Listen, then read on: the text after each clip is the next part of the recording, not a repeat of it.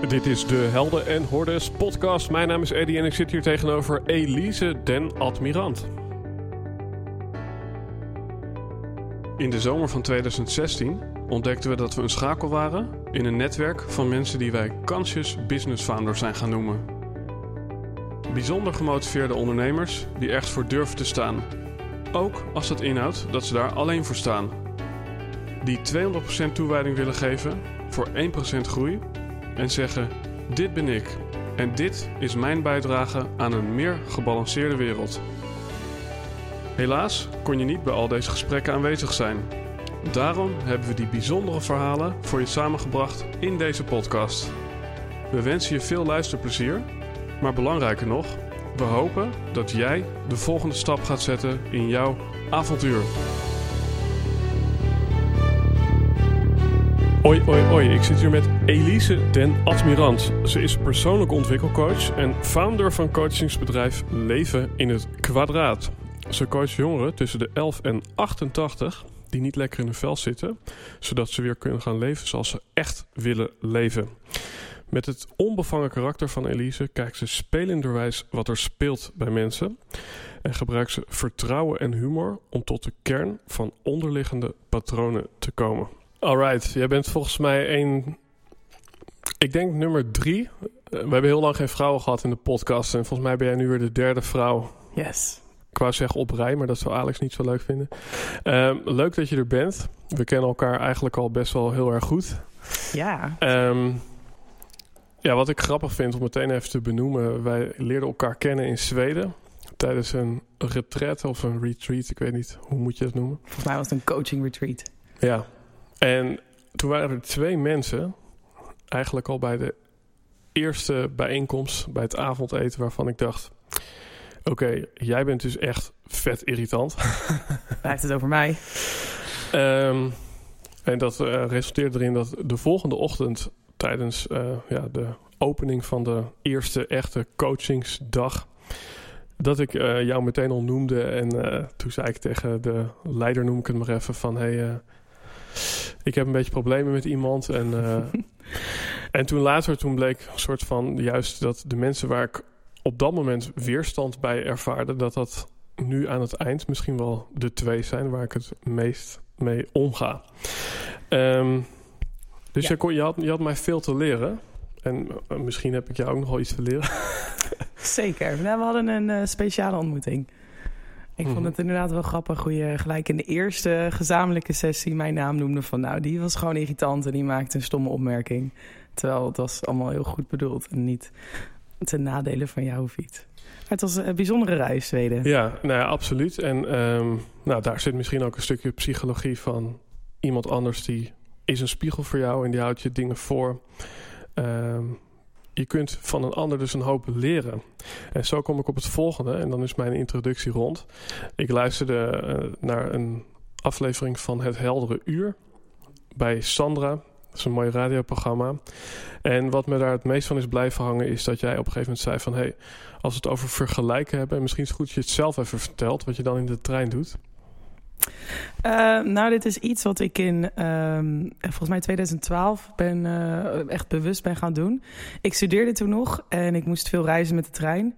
En in 2012, wat ik toen begon met doen, was... ehm, ik wilde heel erg aan mezelf gaan werken. Want ik liep tegen allerlei dingen aan in mijn leven. En ik merkte, oké, ik moet ergens groeien... of ik moet, iets bepaald, ik moet echt iets gaan doorbreken, want dat ging niet zo lekker. En eh, toen merkte ik dus dat tijdens mijn treinreizen ik dat constant gewoon aan, an- naar andere mensen aan het kijken was en mezelf aan het vergelijken was. Maar dat op een negatieve manier. Dus dan keek ik naar iemand anders en dan dacht ik: oh, die heeft een veel beter lichaam dan ik. Of oh, die heeft een veel mooier kapsel dan ik. Of eh, mooiere kleding dan ik. Of nou, gewoon, ik vond heel veel mooi aan de ander.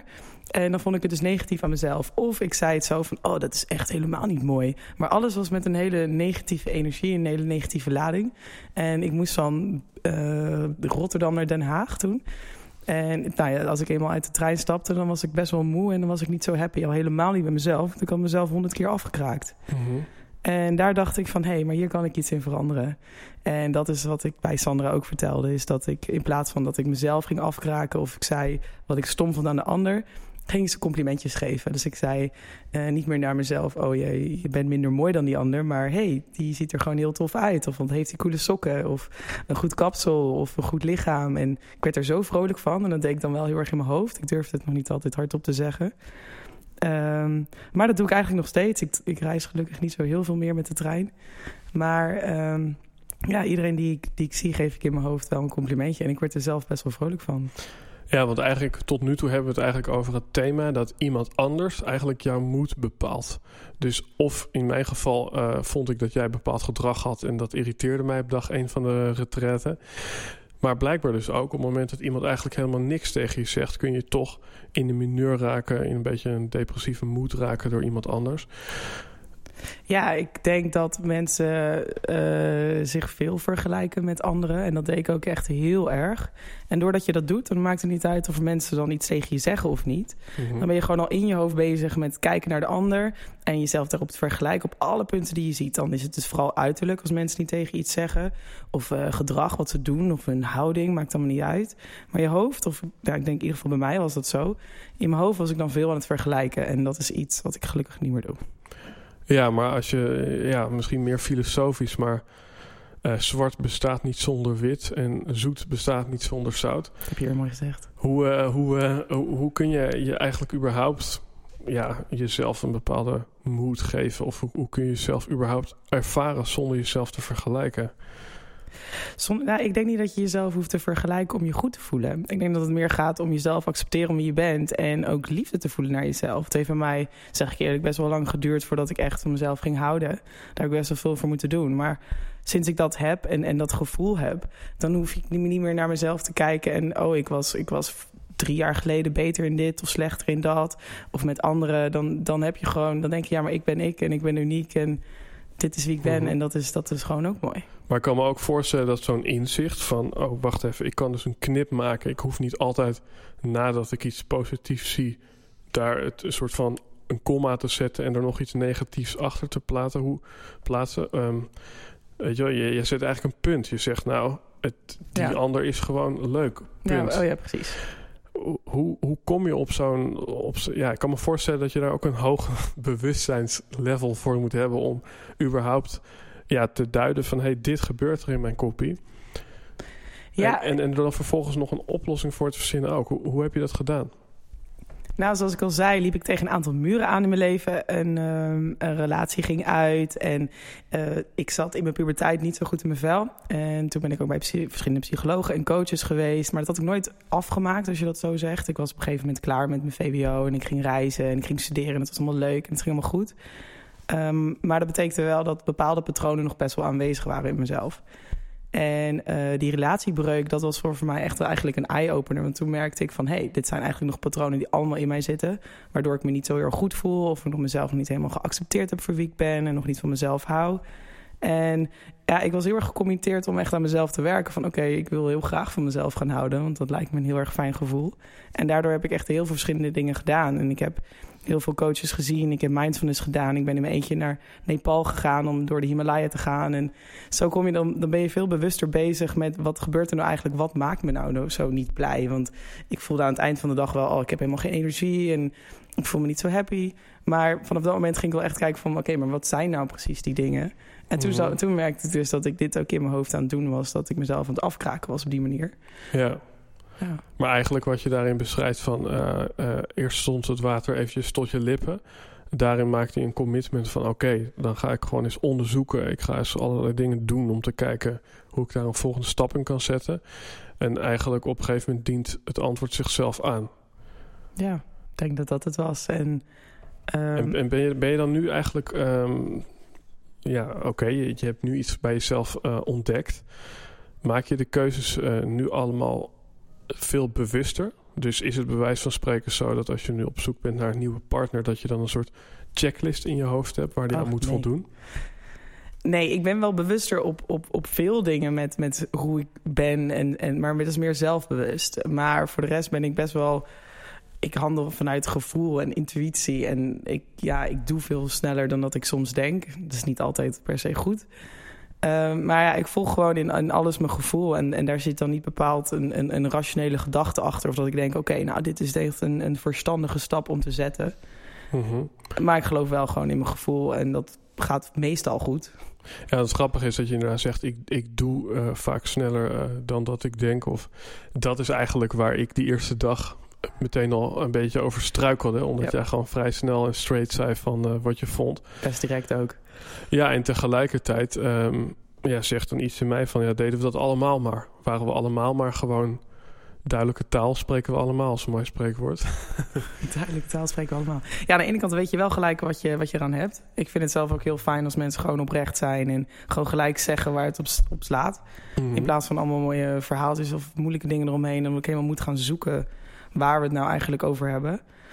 Ehm, maar aan de andere kant denk ik soms... ah, er mag soms wel een beetje een filtertje voor aan mijn kant dan. Want ik kan niet altijd inschatten hoe iemand anders het opvangt. Ik kan wel ge- zeggen wat mijn intenties zijn, hoe ik Mhm. dingen zeg. En het is echt altijd vanuit liefde en goed bedoeld. Maar soms krijg je natuurlijk ook wel eens terug van... hé, hey, maar dat kwam anders over. Of ehm, ja, dus, dus mag Maar ben je dan nu eigenlijk een beetje aan de andere kant eh, van het spectrum beland? Want je zei eigenlijk van nou, ik zat heel erg in mijn hoofd en ik was me aan het vergelijken. En eh, nu ben ik eigenlijk gewoon intuïtie, onderbuikgevoel, bam, ik zeg waar het op staat. Waarin je eigenlijk nu zelf eh, zegt van nou, dat mag misschien ook wel ietsje minder.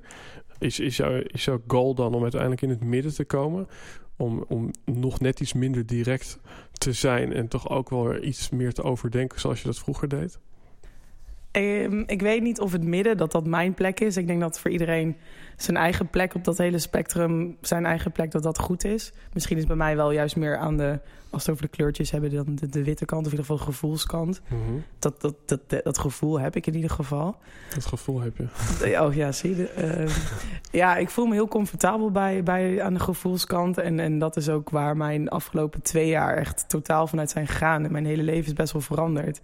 Doordat ik vanuit mijn gevoel nu handel. En daar ben ik best wel blij mee waar ik nu Krijg ben. je, krijg je dat ook terug van je omgeving? Want ik kan me ook voorstellen dat, dat sommige mensen denken... wie de piep is eh, Elise eh, ineens. Nou, ik moest me wel heel erg verantwoorden. Want ik liep een heel ander pad hiervoor. En ehm, ik deed dingen heel anders. En, en ik maakte keuzes gewoon heel En, en anders. van wie moest je je verantwoorden? Van jezelf of van de, van de oude groep waar je mee omging? Ja, de groep waarmee ik omging. Want die, die zagen gewoon, oké, die gaat een bepaalde carrière lopen. Die heeft eh, bij dat, bedrijf gewerkt. En, en die achtergrond in marketing. En dat ging ook allemaal best wel goed. En toen ik opeens zei van, oké, maar ik stop met die baan. En dan was, oh, eh, maar waarom dan? Het ging toch hartstikke goed? En toen moest ik echt uitleggen, ja, maar ik wil iets kiezen wat mij echt gelukkig maakte. En dan keek ze me soms een beetje raar aan. En dat ik ook weer eh, een andere studie ging doen. Ik ging eh, psychologie studeren voor een jaar. En daarna veel meer bezig geweest met coaching. Maar dat was zoiets anders dan, dan dat ik daarvoor deed. Dat echt mensen me echt aankeken Maar, van... maar, maar even in het heel kort, wat deed je daarvoor? Eh, ik heb bij Nike gewerkt. Ik heb een internationale marketingachtergrond. Daarin heb ik gestudeerd. En twee jaar bij, bij Nike gewerkt. En toen nog eh, ja, verder, volgens mij nog een jaar in, eh, in totaal in marketing. Dus drie jaar in Mhm. marketing gewerkt. Ja, maar is marketing ehm, niet ook een be- bepaalde vorm van eh, psychologie? Zeker. Dus is, is, is het zo anders? Nou, mijn leven is heel anders, weet je. Helemaal als je bij Nike werkt. Dat is een heel groot Amerikaans bedrijf. Eh, wat heel veel mensen zeggen dat het ontzettend vet is. Maar het past er gewoon niet bij mij. Het is, je bent er echt een, nobody, een nummertje. En je moest je echt gewoon, je moest de hele tijd werken. En het was ontzettend veel stress en druk. En dan had ik ook nog eens ontzettende bewijsdrang. En ik wilde het allemaal goed doen. En een perfe- perfectionistische zelf. Dus dat, dat matchte gewoon niet helemaal lekker. En ook gewoon, ja, de, de, de Amerikaanse manier van werken past er gewoon niet helemaal bij mij. Mhm.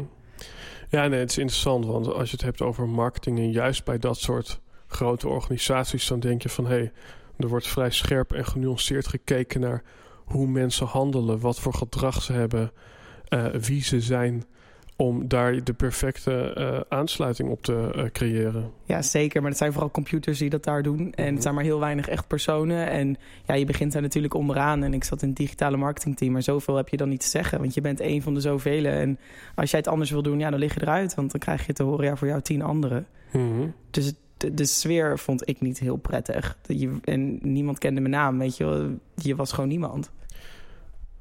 En, en ehm, die, die, die change dat je zeg maar ervoor koos van oké, ik ga nu eh, ja, misschien eerst eventjes bij mezelf naar binnen kijken wat er allemaal gebeurt. En uiteindelijk ook een soort van ja, carrière switch, waar we het later waarschijnlijk nog over gaan hebben, is, is die dan ontstaan op het moment dat, ja, dat die relatie eh, twee jaar geleden niet goed liep? Of weet je dat? Zes jaar geleden. Oké, weet, maar weet, weet, je voor jezelf nog precies wanneer die, die switch plaatsvond? Uh, nou, in 2012, toen die relatie uitging, toen was ik nog aan het studeren. Maar toen, uh, dat was het punt dus dat ik echt aan mezelf ging werken. En veel meer mhm. ging, ging kijken van, oké, wat, wat, wat drives me en, en waar word ik blij van? En uh, ik kreeg heel erg snel die baan bij Nike. Ik was eigenlijk veel meer gefocust op mijn reis naar Nepal op dat moment. Mhm. Maar die baan kwam eigenlijk een soort van aanwaaien. Wat wel een heel cool cadeautje is als je net ja. bent afgestudeerd. Um, maar toen uh, liep ik ook allemaal tegen fysieke klachten aan. Dus mijn lichaam gaf een soort van aan dat, dat ik daar eigenlijk niet zo goed in mijn, in mijn vel zat. En op een gegeven moment moest ik daarna gaan luisteren. En uh, toen werd ik ook wel teruggefloten door een externe manager. En die zei, joh, blijf heel even thuis, want uh, denk heel even aan jezelf. En dacht ik, oh ja, ik mag wel weer even aan mezelf denken. En toen wist ik van, oké, volgens mij moest ik veranderen van omgeving. En daar heb ik eerst nog een jaar lang bij bedrijven gewerkt. Toen nog een beetje in dat straatje was. Maar in veel kleinere Nederlandse, van die nuchtere bedrijven... was veel, wat veel meer bij me paste. Um, en toen, nou, het, kwam eigenlijk op het punt dat ik um, bij een bedrijf... Uh, ik zat heel erg op mijn plek en ik, uh, ik, had een leuke strategische rol. Het was een start-up. Maar toen ging een collega uh, met een burn-out naar huis. En toen moest ik haar werk overnemen. En dat was werk wat niet per se bij mij paste. Dat was echt productie, gewoon echt... -hmm Um, nou, dat was, vond ik niet zo heel erg leuk.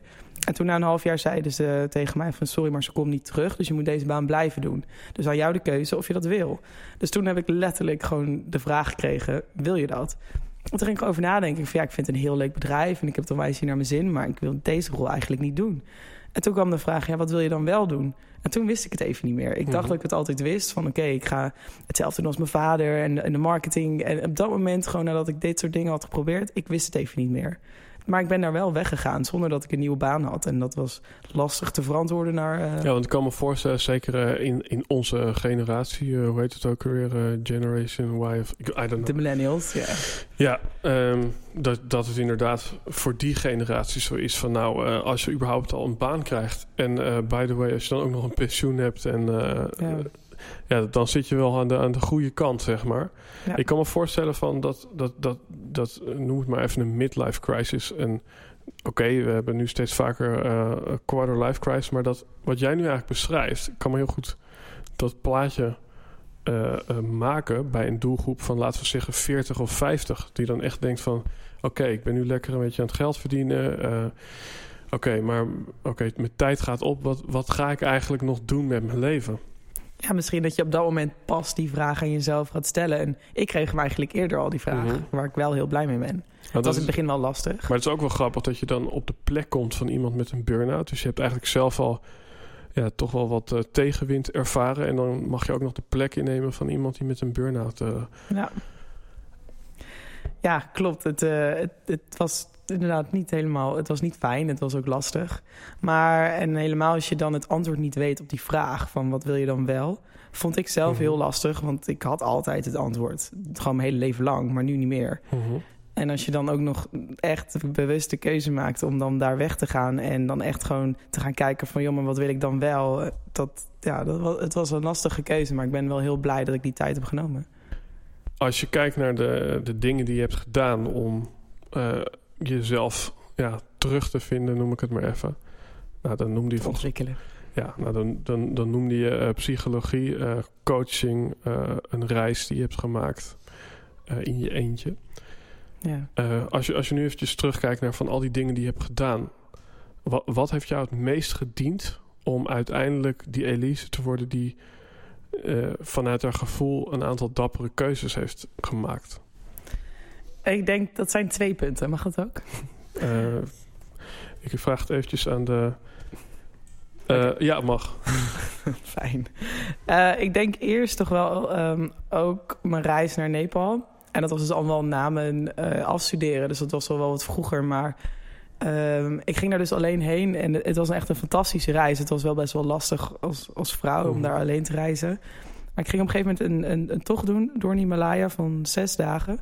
En ik wilde eigenlijk niet alleen, want ze gaan altijd in groepen naar boven. Dus ik vroeg al van, nou, mag ik met een groep mee? Nee, nee, nee, dat mag niet. Uh, je bent hier alleen, dus je moet alleen. Dat is de regel van, uh, van de berg hier. Ik zei, oh, oké. Okay. Maar je krijgt dan wel een gids mee, maar die spreekt helemaal geen Engels. Dus dan loop je daar zes dagen lang. En die gids die loopt overigens mm. tien meter voor je. Met je backpack loop je gewoon omhoog.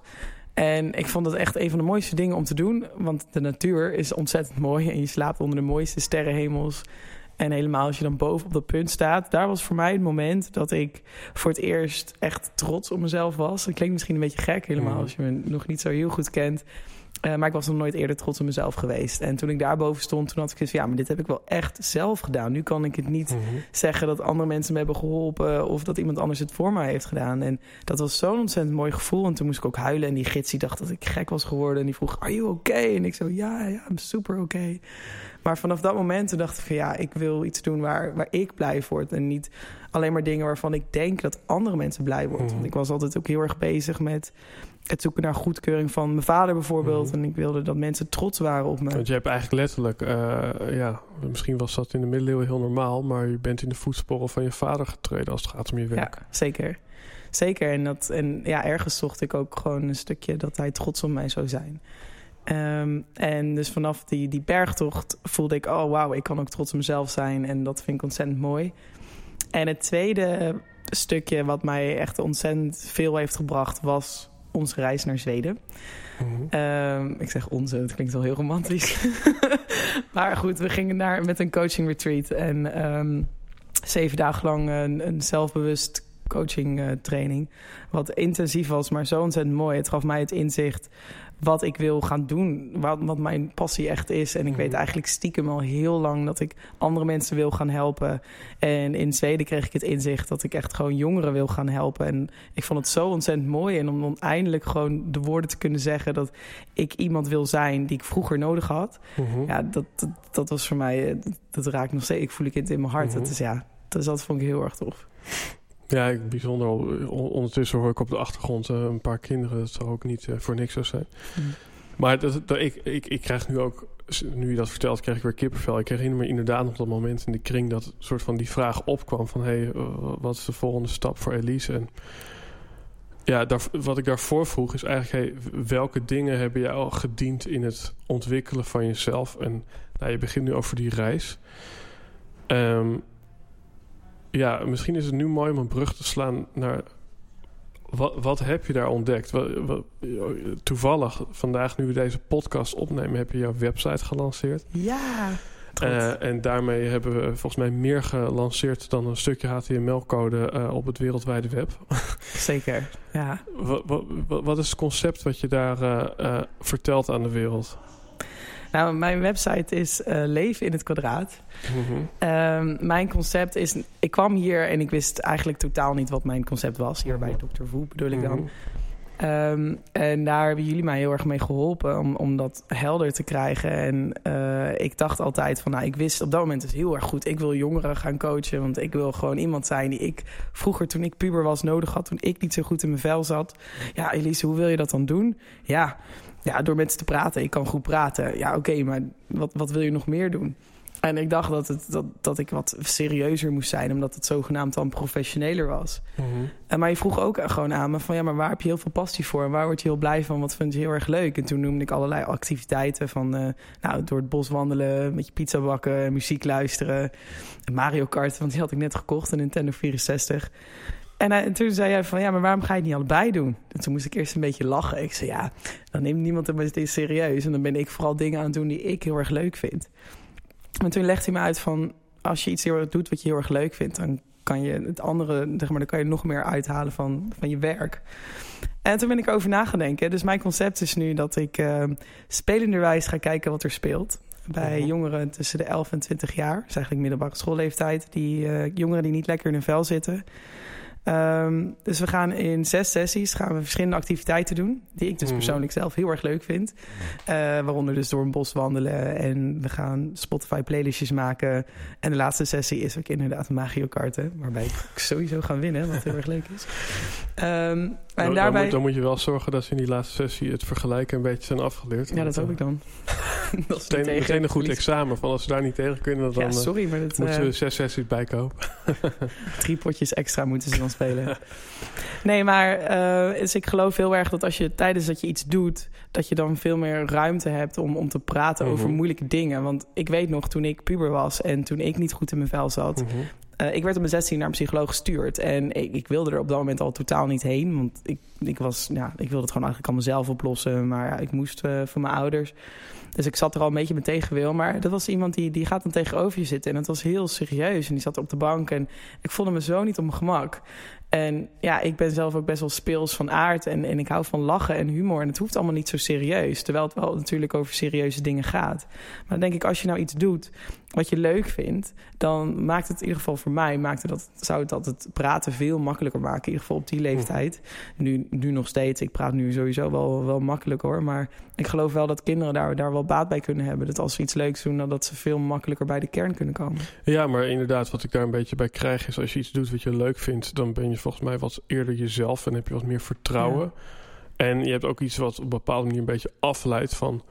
ja, het, het is niet een soort kruisverhoor meer, weet je wel. En, Nee. en het grappige is dat eigenlijk alles wat je nu beschrijft... en daar hebben wij het dan in, in dit traject nooit over gehad. Maar ik vroeg je, oké, je hebt coaching gedaan... je hebt een psycholoog gehad en je bent een reis gemaakt. En ik vroeg aan jou, hey, als jij nu even mag vertellen van... Hey, wat, wat heeft je dan het meest gediend in te worden wie je nu bent? Nou, toen beschreef je eerst die eh, wandeling eh, eh, op die berg. En daarna beschreef je een reis naar Zweden. En beide zijn het voorbeelden van spelenderwijs kijken wat er speelt. Ja, eigenlijk wel. Ik Bij, heb er niet eens over nagedacht. nee, dus, dus dat is grappig.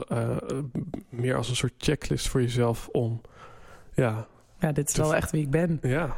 En dat is mooi eraan. Ik ben dus vandaag echt eh, officieel live.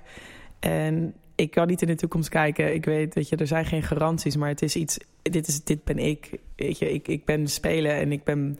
eh, ik wil anderen helpen en dan jongeren, dus met name. En, ja, deze activiteiten en, en de, de thema's waar we het over gaan hebben, dit, dit komt echt gewoon vanuit mij. En dit is eigenlijk misschien, ja, mijn levenspad zit stiekem een beetje verweven in, eh, in mijn bedrijf nu. Mhm.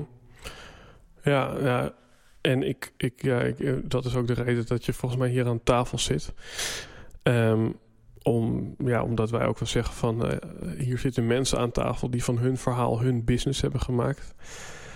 Ehm, ja, om even een sprongetje te maken. Deze podcast heet natuurlijk Helden en Hordes.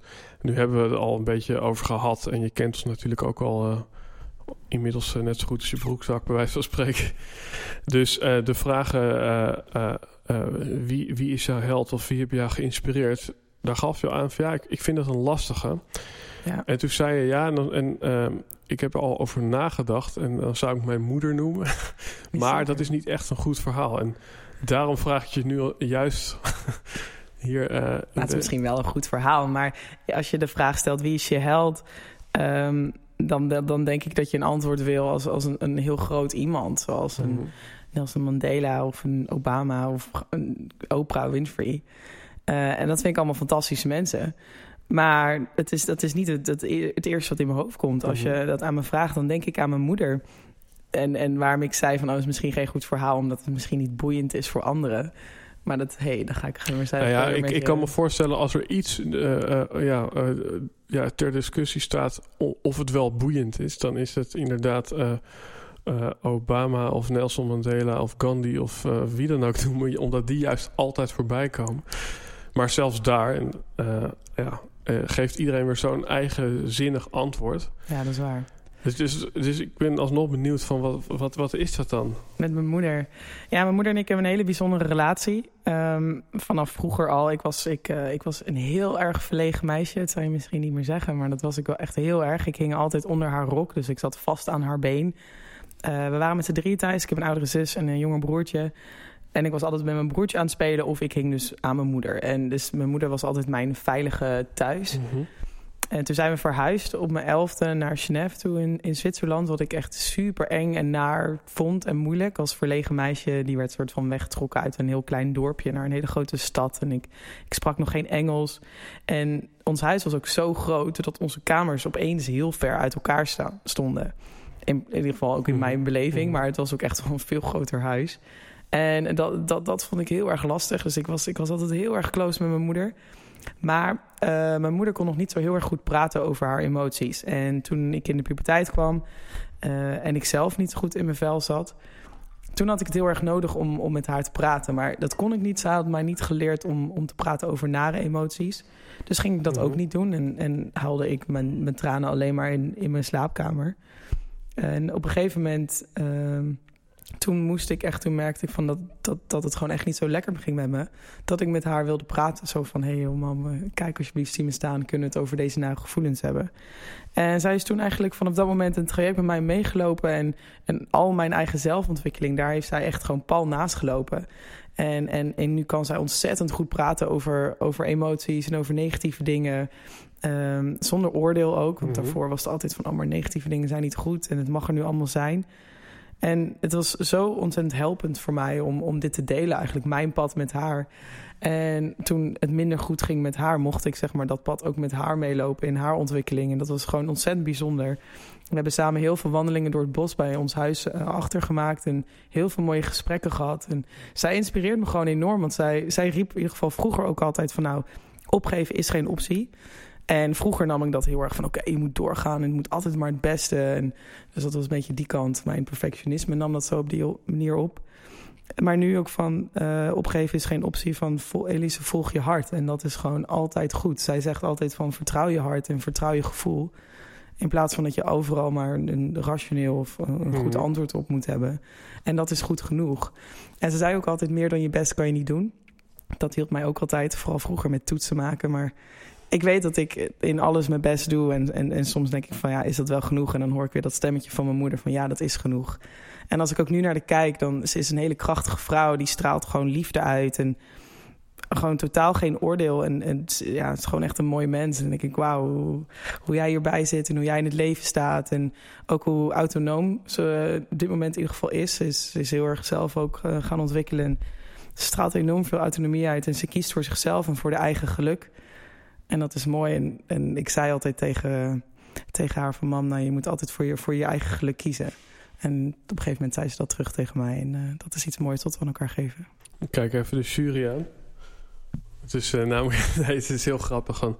Kijk, deze vraag is natuurlijk uh, wat je zegt bij jezelf. Dus ik, ja, ik, ik hoor hier een hele goede beschrijving van je, wie jij zelf bent. Ben ik net zoals mijn moeder? Nee, nee, ik vind, nee kijk, ik, ik vind het vooral heel grappig dat je zeg maar zei van... nou, ik heb geen held, zo begon je in ieder geval. En maar ik weet niet uh, hoe, hoe, ik die vraag zou moeten beantwoorden. En er komt me nu toch eventjes een antwoord uit, zeg maar. Gewoon een, een, ja, een behoorlijk... over mijn moeder heb. Ja, nou ja, goed. En um, je, de spiegelneuronen die, uh, die koppelen alles aan, aan, je, aan, uh, aan, aan, wie jij bent. Weet je wel? Dus als je zegt van... nou ja, een krachtige vrouw die vanuit een gevoel in plaats van uit haar hoofdkeuze maakt. Nou ja, dat is volgens mij waar we het tot nu toe ook over hebben gehad. Ja. Hoe je voor, je voor jezelf bent opgestaan. Dus wat, wat mij betreft een dikke wat je zegt bij jezelf. Dat is een ehm, mooi compliment dan. Um, ja, dus uh, dat gunnen we mensen ook altijd. Dat ze hier eventjes uh, tijd hebben om het eventjes over onszelf te hebben op een leuke manier. maar ook die hele transitie van mo moeilijk voor je moeder om over negativiteit te praten. En uiteindelijk is het haar dan wel gelukt. Uh, en so are you, toch? Ja, zo so am I. Ja, ik vond het ook heel lastig. En uh, nou, wat ik al eerder zei, ik hield het allemaal voor mezelf. Want ik wilde niemand ermee mhm. opzadelen. En ik wilde niemand tot last zijn. En mhm. ik dacht dat alles mijn eigen schuld was. En ik moest het allemaal zelf maar oplossen. En nou, ik, ik, ging mezelf nog meer afkraken. En het was allemaal niet, niet goed en niet, nou, niet fijn. Dus ik ging het gewoon in mijn kamertje lekker allemaal alleen uh, huilen en, en, doen. Tot het punt waarop... Uh, nou, ik wel mijn gevoel kan delen en, en mezelf niet meer afkraken. Wat, wat, ik, wat ik wel interessant vind is, uh, wat, er zat nog iets in. En dat is dat je letterlijk uh, uh, en figuurlijk aan je moeders been hing. dus ja. Um, nou ja, ik geloof dat het fysiek en het mentaal dat dat behoorlijk met elkaar synchroon loopt. En de Nederlandse beeldspraak daarin is ook niet voor niks uitgevonden. Maar het interessante eraan vind ik van je bent eigenlijk op een gegeven moment in, ja, loskomen te staan. Je hebt op een gegeven moment gezegd: Oké, mam, Ik heb altijd aan je been gehangen, maar boem. Ik ga Ja. nu eh, voor mezelf. Ik ga wonen op mezelf. Ik begin mijn eigen bedrijf. En ik kan me ook voorstellen dat dat stukje in jou... dat dat een krachtig instrument is naar jongeren toe. Hoe, eh, ja, Ja, dat, dat hoop ik. En dat is een stap die heb ik nog niet heel erg lang geleden gemaakt. Ik vond namelijk Mhm. altijd heel veilig en fijn bij mijn moeder. Juist door de persoon wie ze is. En doordat alles zo vanuit liefde en, en erkenning ging.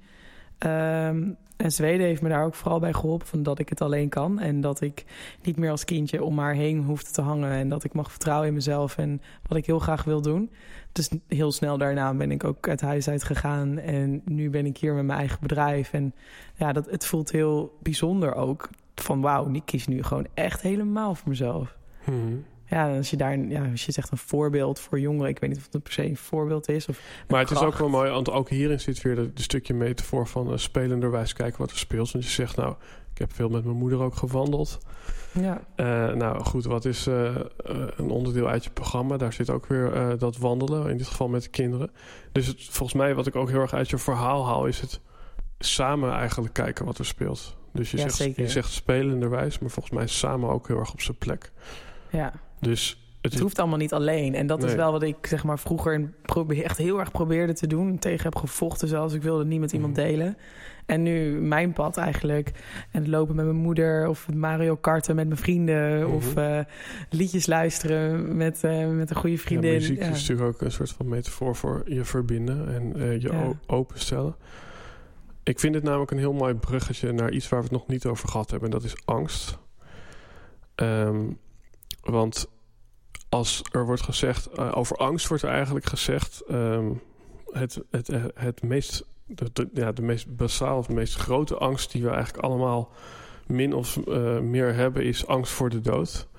En Oh, daar, het ja, en daar, uiteindelijk uh, wordt, wordt daar ongeveer iedere angst naar herleid.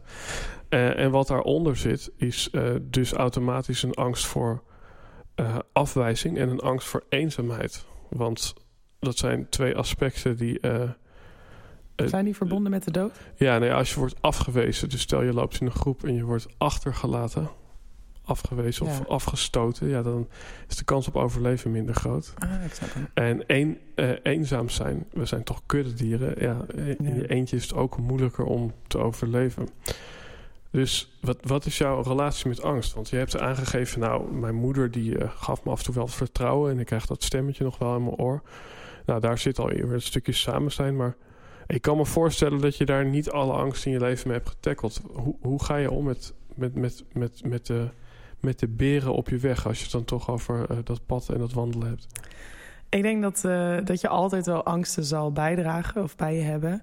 Dat er niet allemaal getackeld kan worden, wat je ook doet. Angsten die, die zijn er gewoon in bepaalde mate. Um, voor mij, ik heb nooit echt een angst voor de dood gehad eigenlijk. Maar voor mij was angst voor eenzaamheid was heel erg groot vroeger. Ik vond het heel erg naar om alleen te zijn. En dat kwam ook omdat ik me juist, als ik me alleen was, vroeger voelde ik me vaak heel erg rot. Dus vandaar, vandaar kwam de, de angst voor eenzaamheid heel erg uit voort. En dat was ook een van de redenen waarom ik naar Nepal ben gegaan in mijn eentje. En ik dacht, hé, hey, Mhm. ik ga deze angst even tackelen. Dus ik ga mooi alleen op reis. En toen kwam ik tot het mooie inzicht dat ik niet alles alleen op hoef te lossen. Maar dat ik dingen ook gewoon samen mag doen. En dat het gewoon in mij zit om... Uh, dat ik het fijn vind om met, met mensen te zijn. Ik kan ook prima goed Mhm. alleen zijn, overigens nu. Uh, maar wat mijn relatie op dit moment is met angst is... Uh, ik denk dat de grootste angst die nog aanwezig is...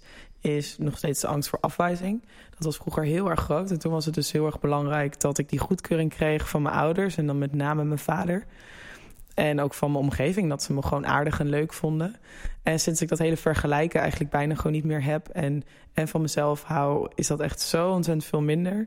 Maar het zit nog wel ergens in me. Um, ik vind het nog steeds fijn als mensen me leuk of aardig vinden... Uh, of uh, ja, zeggen van, hé, hey, dat doe je goed. Maar het, um, zeg het, it doesn't define who I am. Mm -hmm. um, dus het bepaalt niet hoe ik me voel of hoe ik ben... En ik denk dat het vooral met nieuwe dingen is. Dus ik merk ook, oké, okay, ik ben dit bedrijf begonnen. Het is spannend, want ik weet niet weet je, hoe mm -hmm. ik het ga doen. Het is niet iets wat ik al honderd jaar heb gedaan. Ik weet dat ik hier ontzettend veel passie voor heb. En ja, dat, ik, dat dit gewoon is wat ik wil gaan doen.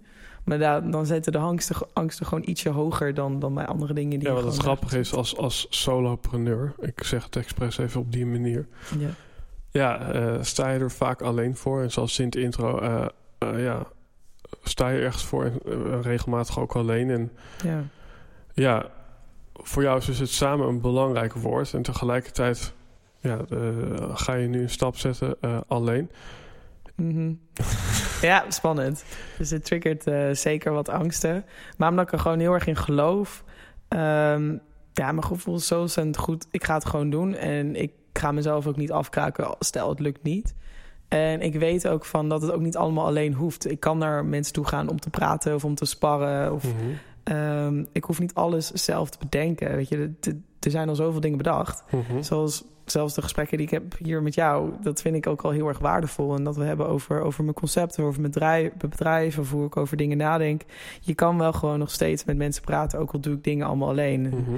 Ik merk ook dat ik nu wel extra veel met, met mensen erover heb, omdat het nu aan zeg maar, de voorgrond van, van Mhm. alles staat. En het is allemaal gewoon ook super nieuw. En het hele feit al, hoe ga je naar de KVK en dat soort dingen, wist ik ook allemaal niet. Ehm, Maar eh, met een duurwoord heet dat eh, volgens mij een eh, interafhankelijke relatie. Dus dat betekent volgens mij dat je... ja, je staat er alleen voor, maar... eh, ehm, nou, laat zo... Je, je, je kunt een beroep elkaar doen, maar je hebt elkaar niet nodig. Een beetje... ja, En, en dat is een soort blauwdruk, wordt er gezegd, voor een goede relatie... maar ook voor een goede business, voor een goede vriendschap. Dus het is een soort van, ja, toch wel iets stevigs in jezelf hebben... maar ook echt wel de vraag het heelal in mag gooien van... hé hey, jongens, Ja, want je Hier- hoeft het toch ook niet allemaal alleen te doen. Dus daar geloof ik wel heel erg in. Dat je, dat je elkaar mag helpen en om support mag vragen. En dat je naar je vriend of vriendin of weet ik veel... Een, Maar dat is eigenlijk wel grappig, want dat brengt mij ook op een inzicht, dit hele verhaal van dat eigenlijk is de natuur, en zeker als we het over jongeren hebben, dan is het eigenlijk plezier maak je samen. eh, huilen doe je maar alleen op je kamer. Dat is, dat is een beetje de. Beetje gechargeerd misschien. Ja, klopt. Maar daar komt het wel een beetje op neer. Terwijl, En ik breng het hopelijk weer een beetje samen. ja, nou, dat, dat lijkt me hartstikke mooi. tranen. Maar Ja. het zou mooi zijn als je het inderdaad eh, ja, ook bijna kan omdraaien, weet je wel. Van, eh, ja, je kan ook lol hebben in je eentje en je kan ook verdriet hebben als je met elkaar bent. En, Nou ja, als je van jezelf houdt, dan kan je zeker lol hebben in je eentje. Dat weet ik nu Mhm. ook en dat heb ik ondervonden. En dat is een, echt een heel erg tof Mhm. gevoel. En dat miste ik inderdaad vroeger wel. Dan heb je ontzettend veel mensen om je heen nodig... voordat je je maar een beetje goed Mhm. voelt. En eh, samen huilen, eh, ja, dat, dat is natuurlijk ontzettend kwetsbaar. Dat vervelende negatieve woord. Aan de ene kant heel erg mooi. Eh, als, je, als je je zo kan delen en vertrouwen dat de andere... Je, dus weet je, dan vraag je ook eigenlijk dus dat de ander jou niet oordeelt op jouw kwetsbaarheid.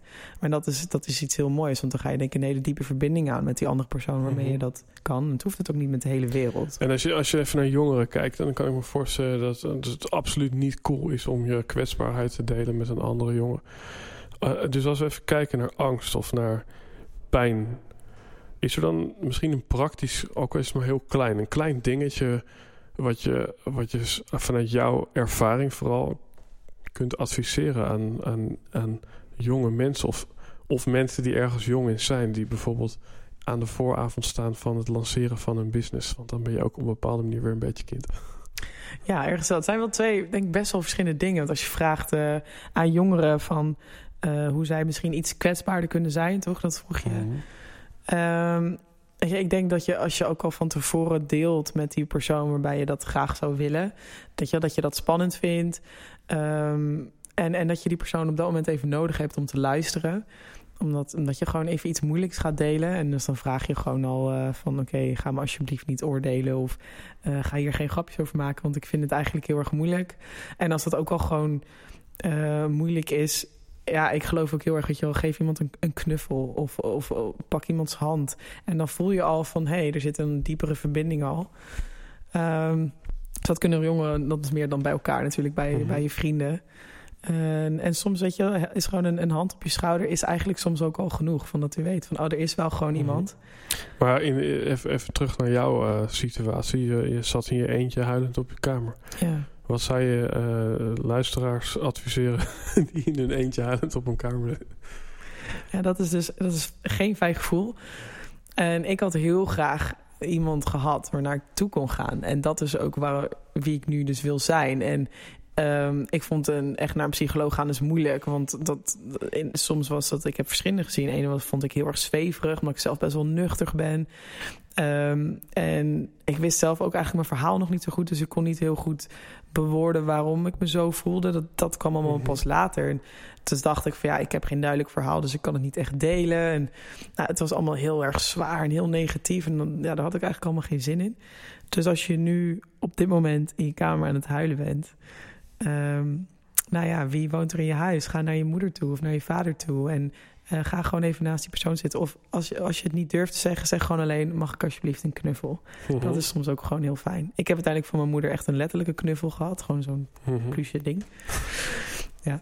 En dat, uh, dat, dat hielp me al. Want dan was ik niet meer alleen in mijn kamer. Op dat moment kon ik namelijk nog niet echt goed met haar praten. En uh, nou ja, en, en anders bel mij. Hoppa. Ja, hoppa. Boom, komt hij toch nog even. ja, nee, ik, uh, het is een soort van uh, krachtig in zijn eenvoud. Werd ook wel eens in Zweden gezegd. Maar ja, ik, ik voel hem wel. Weet je wel, zeker wij hier in het Westen. En dan hebben we het niet alleen over kinderen, maar juist ook over volwassenen. Van, ja, wij hebben hier een soort van ja, beleid binnen Dr. Wu dat de meeste klanten die krijgen een huk we doen vaak de deur uh, open uh, op ons sokken in plaats van in driedelig pak en leren schoenen. Dat is waar. En daar wordt, daar wordt al opmerkelijk naar gekeken. En terwijl volgens mij juist daar die verbinding, want daar zit ook weer een stukje kwetsbaarheid in.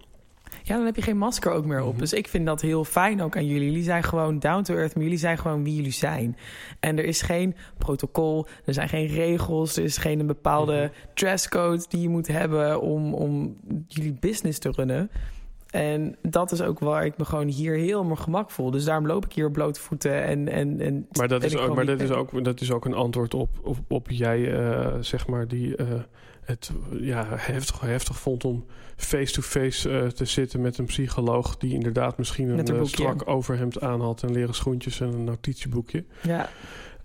Um, ja, dat het juist wat je dus eigenlijk zoekt... is een soort like-minded people of mensen ja. die in ieder geval voelen alsof ze van dezelfde planeet komen. Ja, en dan helemaal iemand die ook een beetje jouw ding heeft meegemaakt. In wat voor manier dan ook. Want dan heb je echt het gevoel dat die persoon je begrijpt. En ja, ervaringsdeskundige is dan weer zo, vind ik een stom woord ergens. Maar ik denk wel dat ik die zeker een hoop jongeren zal begrijpen in een klote gevoel eigenlijk. En omdat ik gewoon mezelf ben en omdat we leuke dingen gaan doen, kan je veel makkelijker die verbinding aan. Mhm. Waarbij je denk ik gewoon veel verder kan komen dan dan als je gewoon een heel muurtje voor je eerst hebt wat je af moet breken. Mhm.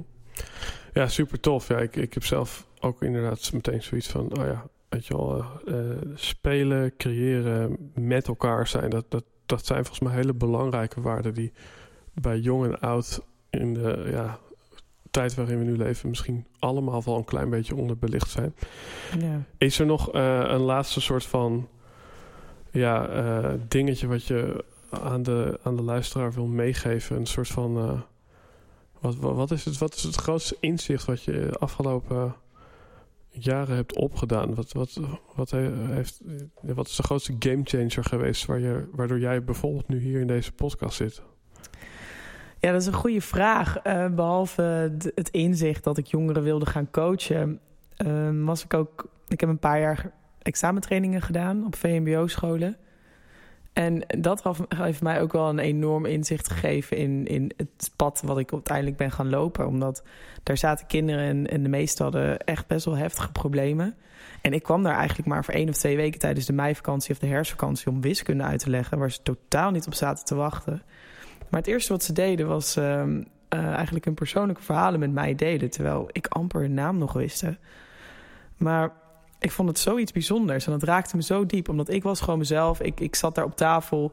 En uh, ik zei me, nou, weet je wel, wat voor wiskunde sommetjes zullen we gaan maken? Weet je, waar hebben jullie zin in? Dan gaan we anders eerst een YouTube-liedje uh, luisteren. Dus ze merkte misschien wel dat, dat ik wat meer like-minded was, in jou, mhm. wat jij zei. En uh, weet je, ik zei ook van, nou, ik heb het vroeger ook gewoon een, een rotperiode gehad. Maar Weet je, dus dat is oké en het, het, mag er zijn. Je hoeft het niet, don't hide it. En, en zo kwamen ze één voor één allemaal naar me toe van met, met best wel heftige problemen eigenlijk. En ik vond het zo bijzonder dat ze dat durfden te delen met iemand die ze eigenlijk niet kende. En toen ben ik uiteindelijk gewoon die hele week gewoon naar gaan luisteren en met ze gaan praten. En hebben we vrij weinig wiskunde gedaan. maar ik vond het zoiets bijzonders. En het heeft me zo erg geraakt dat ik denk van ja, als ik gewoon door mezelf te zijn, gewoon dit soort bijzondere gesprekken kan hebben, waar ik zelf ook en van leer en uh, die kids iets mee kan geven. Ja, dat, dat, dat, ja, dat was echt heel gaaf. Op mij kan je rekenen, dat is een mooie slogan. Voor.